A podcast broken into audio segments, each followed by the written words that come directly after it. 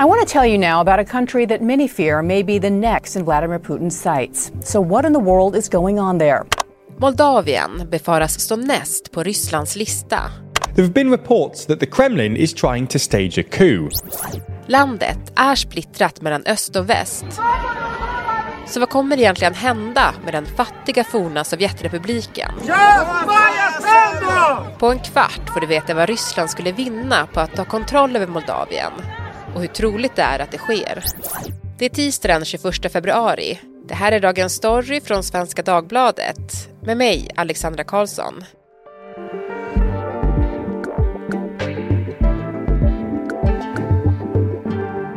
Teresa Kyschler, du är Europakorrespondent här på Svenska Dagbladet med oss från Bryssel. Hallå! Hej hej! Du, vi ska ju prata om de senaste händelserna i Moldavien idag. Alltså det är ju ett land som inte uppmärksammas speciellt ofta här i Sverige. Mm. Alltså, vad är det första du tänker på?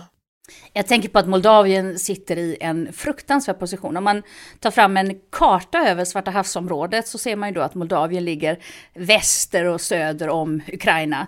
Och det ligger också väster om de stora hamnstäder som är liksom målet för många ryska attacker i Ukraina just nu. Så att det värsta skräckscenariot som man kan tänka sig det är liksom att ryssarna vill ha hela norra Svarta havet. De vill ha alla viktiga hamnstäder.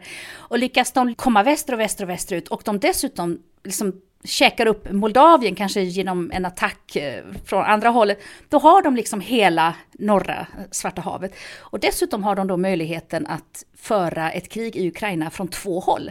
Därför att det finns en del av det här lilla, lilla märkliga landet Moldavien som vi vet så lite om, som är rysktalande och som nästan liksom de facto styrs av Ryssland. Och där finns det också ryska soldater posterade. Så att Får man liksom med sig Moldavien så har man möjlighet att attackera från två håll för att vinna de här juvelerna då, de här stora hamnarna och det ukrainska territoriet. Så att det är en otroligt utsatt position som Moldavien sitter i geografiskt, politiskt, eh, försvarsmässigt, strategiskt på alla sätt. Ja men precis, jag tänkte att vi skulle eh, lite grann backa och gå igenom vad som har hänt den senaste tiden eh, som rör Moldavien och just det här utsatta läget som du berättar om. För att Ukrainas president Zelensky, han presenterade ju underrättelseuppgifter om planer på en rysk statskupp i mm. Moldavien mm. i förra veckan. Och det var ju något som Moldaviens president Maja Sandusen bekräftade. Alltså vad vet vi om de där kupplanerna? Vi vet att man jämför de där skisserna eller planerna med vad som hände i Montenegro för några år sedan. Och Montenegro är också ett sånt där land som är i det gamla gränslandet mellan öst och väst, som har en del liksom ryskvänliga krafter, rysktalande krafter. Och så Moldavien samma sak. Och det skulle vara liksom ett, ett stilla övertagande. Det här är små länder utan stor försvarskapacitet. Skulle, ryssarna hade liksom bara tänkt att vandra in liksom. Lite som när man tog över Krimhalvön också. Man gick in utan eh, liksom rysk flagga eller guldiga revärer och sånt där. Utan bara lite i det dolda tog över. Och då, det är väl det slags plan då som man upptäckte att de kanske ville göra i Moldavien. Bara ta över helt enkelt. Lite i smyg. Mm. Ryssland har ju förnekat det här. Ja, det är klart att de har. Eh, jag menar, Ryssland har ju också förnekat, eh, eller förnekade väldigt, väldigt, väldigt länge att man hade tagit över Krimhalvön med ryska så, små omärkta soldater så att säga. Man påstod att utbrytningen kom inifrån och att alla egentligen ville vara ryssar på hela Krim och sådär. Så visst, det är klart att de förnekar det här också. Burrows furniture is built for the way you live. From ensuring easy assembly and disassembly to honoring highly requested new colors for their award-winning seating, they always have their customers in mind. Their modular seating is made out of durable materials to last and grow with you. And with Burrow, you always get fast, free shipping. Get up to 60% off during Burrow's Memorial Day sale at burrow.com slash ACAST. That's burrow.com slash ACAST. burrow.com slash ACAST. Inkilat mellan Ukraina och Rumänien med kust mot Svarta havet står Europas fattigaste land och väger.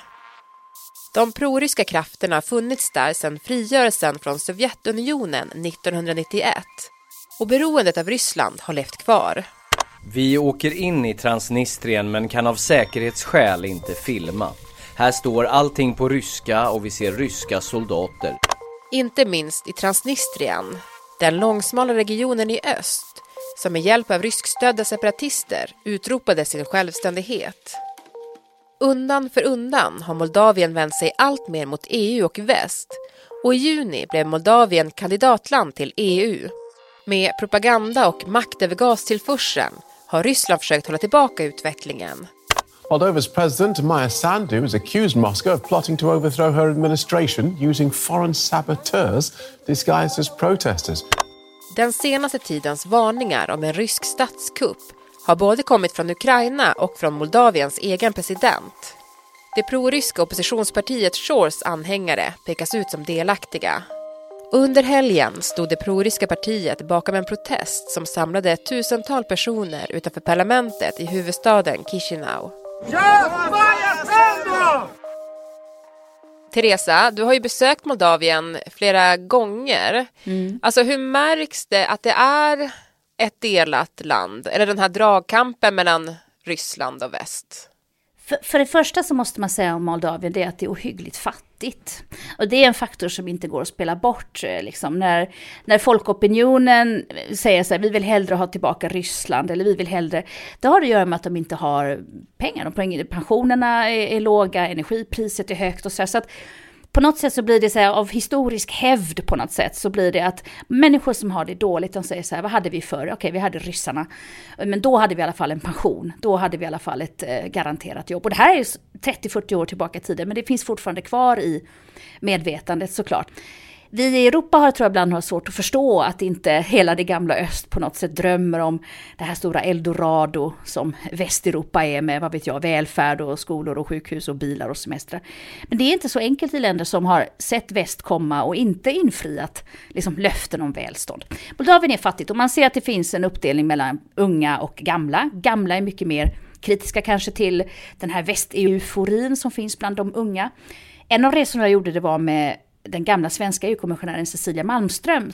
Och när jag reste till henne, med henne då till Moldavien, till såklart den majoritetsdelen av landet där som är liksom västvänd och där man pratar moldaviska, inte ryska och sådär.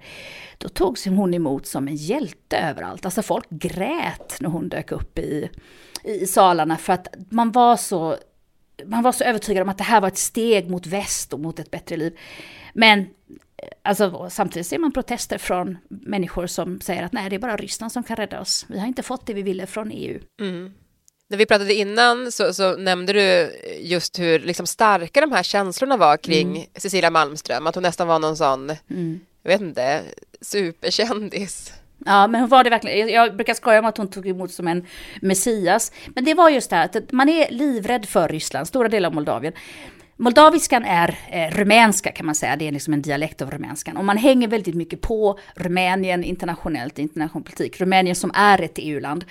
Och Moldavien är Rumäniens lillebror och man spelar på det här, vi är kulturellt sett på samma sätt som Rumänien så tillhör vi väst. Vi talar ett latinskt språk, inte ett slaviskt språk. Vi har vår kulturella identitet med Rumänien i Europa på något sätt. Och man, den där uppdelningen ser man. Nu ska man komma ihåg att den delen av Moldavien där det talas ryska, det är en liten enklav då kan man säga, som heter Transnistrien. Den är ju liksom avskuren. Det är inte så att man kan gå in i en affär och, och prata om pro-EU och så går man in till affärsägaren mittemot gatan och han, han är mot EU. Så är det inte, utan den ryskvänliga delen är en specifik geografisk del. Och även om den offentligt tillhör Moldavien så är det en del av landet som är helt avspärrat med gränser, med gränsvakter, den har sina egna eh, tv-kanaler, radiostationer, ett eget styre egna myndigheter, egna allting. Det är de facto liksom ryskvänligt eller ryskstyrt separatistområde. Mm. Men du nämner ju de här två delarna då, men, men mm. i helgen såg vi ju att det var också proryska demonstrationer i landet. Precis, och det här var alltså i huvudstaden Chisinau, så det är liksom i den västvänliga delen av landet. Och där ser man att vad de, vad de här demonstranterna skrek på gatan, det var att eh, vi har ingenting att äta, våra energiräkningar är för höga, energin tar 70 procent av våra hushållsinkomster, eh, halva min passion försvinner, säger en liten dam som är ute och demonstrerar. Eh, och, så, och, då tror man liksom att det, det, är Ryssland som kan rädda oss. Vi har haft flera på varandra västvänliga, internationellt sett omhuldade regeringar, eh, men de har inte tagit oss upp ur vår fattigdom. Liksom. Det där är grundbudskapet. Jag vet inte om man kan föreställa sig, när jag var i Moldavien så tyckte jag att det såg ut som liksom bilderna från det gamla DDR på 80-talet. Alltså fruktansvärt slitet, fruktansvärt nedgången. Alltså, kvaliteten på hus och vägar var väldigt, väldigt dåliga. Och som sagt, man, man får inte bortse från fattigdomen som en jättestor politisk faktor här. Liksom. Mm. Men hur starka är då de, de proryska krafterna, skulle du säga? Jag skulle säga att den yngre generationerna är så pass eh, eh, många och det är så pass stor så att Moldaviens hemvist liksom är i, i västsfären och sådär. Men men det händer ju väldigt mycket just nu. Vi har ett krig i grannlandet som naturligtvis skrämmer människor något så fruktansvärt. Eh, vi har ju sett eh, eh uppgifter om att eh, ryska projektiler av något slag, missiler eller så, hade liksom, har kommit in på moldaviskt eh, luftrum. Det finns en stor skräck i Moldavien kring det här. Men om, om vi stannar där då, alltså och, går, och går tillbaka lite till de senaste händelserna, alltså hur stor är sannolikheten att Ryssland utvidgar sitt krig och också angriper Moldavien? Mm. Ja, det där tvistar ju de lärde om såklart. Eh, det, det, finns väl knappt någon som inte är en expert på Putins tankar och så. Jag vet inte vad Putin tänker. Om han vågar ge sig in i ett eh, tvåfrontskrig, att attackera ett land till. Nu när det går så dåligt för ryska trupper i, i Ukraina. Det är tveksamt om han liksom vill gå in från ett annat håll. Å andra sidan finns det de som säger att eh, ja, men Putin gör vad han kan och att förlora eh, Ukraina-kriget skulle vara en sån politisk eh, förutmjukelse för honom så han är beredd att ta till både kärnvapen och attackera andra länder. Men Moldavien vore taktiskt enkelt säkert för Ryssland att inta och då är det ju västs svar som blir det, den, den, stora frågan och det stora mullret i, i marken för oss. Om Ryssland attackerar ett land till, visserligen inte ett NATO-land, men då måste väl ändå väst eh, svara på något sätt. Och då kanske vi är där i en eskalering av kriget. Men NATO har ju redan nu svarat med att de ska ge ökat stöd till Moldavien. Absolut. Eh, USAs eh, utrikesminister åkte dit redan bara någon månad efter att kriget inleddes förra året. För att liksom garantera att, eh, visserligen ni är inte ett NATO-land, Moldavien har varit som Sverige neutralt eh, i alla tider. Men, men vi, vi har placerat så 40 000 nya soldater, kommer att placeras längs med liksom EU-länderna och NATO-ländernas östra flank. Vi kommer att finnas i era närhet. Och de kommer också att liksom sätta in vad som behövs. We absolutely stand with the Moldovan government and uh, the Moldovan people. Men man måste komma ihåg att det, det är inte så att NATO någonsin har skickat NATO-plan, NATO-tanks, NATO-vapen, NATO-ammunition till Ukraina och kommer heller inte göra det till Moldavien, utan NATO-länder skickar ammunition eller tanks eller plan eller vad det nu kan vara till de här länderna, men inte i NATO-namn. Det är liksom inte en NATO-leverans, utan det är varsågod, här får ni vapen och grejer av oss. Gör vad ni vill med dem, men gör det i er egen flagg. NATO vill inte ge sig in i ett krig. Nej. Moldavien, som du har beskrivit då, ett delat land med mm. proryska sympatier, men också med en EU-vänlig president i Maja Sandu. Mm. Och nu har ju Moldavien också fått en ny västvänlig regering. Mm. Kommer den kunna stå pall för trycket från de här proryska krafterna? De är färre de politiska krafterna, men de är ju väldigt arga och om den här regeringen inte lyckas till exempel sänka elpriser eh, eller liksom eh, hushållskostnader och sånt där. Så det, alltså det, är, det är ofta regeringsbyte i, i eh, Moldavien. Men jag har svårt att föreställa mig att någonting händer just nu liksom politiskt. Just nu så pågår det ett krig. Eh, jag, har svårt att tro att eh, liksom ryssvänliga separatiströrelser helt plötsligt känner att nu ska vi börja kampanja Å andra sidan, det finns redan idag mellan 1000 och 1500 ryska soldater på plats i den här eh, regionen Transnistrien då. Det är en region där man lyssnar på ryska medier, tittar på rysk tv, rysk radio och får med sig all den propaganda och den information som kommer från ryskt håll. Kanske kan man mobilisera väldigt västfientliga känslor. Frågan är väl liksom vad vanligt folk vill ha ett, ett, ett krig på plats. De, de ser ju vad som händer på andra sidan gränsen i Ukraina. Mm. Och, och, Putin då, alltså jag vet att du inte kan läsa tankar, även om man ibland kan tro det Teresa, uh. men kommer eh, Moldavien lämnas i fred? Eller kan det komma en rysk kupp när man minst anar det? Så Moldavien är så himla litet, det är liksom en munsbit egentligen för Ryssland. Och, och framförallt att det finns femte kolonnare, det finns då ryska krafter inne i Moldavien som man kan infiltrera liksom och, och skapa. Så det är klart att det är lättare för Ryssland att ta över Moldavien än det att ta över till exempel, eh, vad vet jag, eh, eh, Litauen eller något sånt där. Ett stort land med NATO-vapen och NATO-muskler och EU-traditioner och så. Men Putin hotar hela tiden. Om det är en del av någon slags psykologisk krigföring, han hotar om kärnvapen, han hotar om att han ska attackera Baltikum, han hotar om liksom det ena och, och det andra. Så att om man lägger handling bakom sina ord så är det klart att då är Moldavien en liten munsbit. Mm. Tack så jättemycket Teresa för att du var med i Dagens Story. Tack. Programmet idag producerades av Stina Fischer, redaktör var Maria Jelmini och jag heter Alexandra Karlsson. Vill du kontakta oss så mejla till dagensstory.svd.se. Burrows furniture is built for the way you live.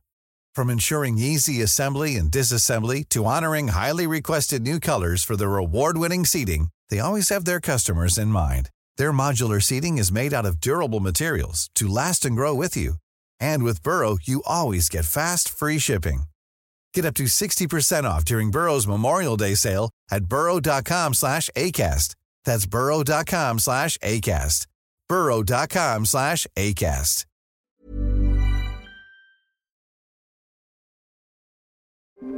Klippen i programmet kom från CNN, Deutsche Welle, Al Jazeera och SVT.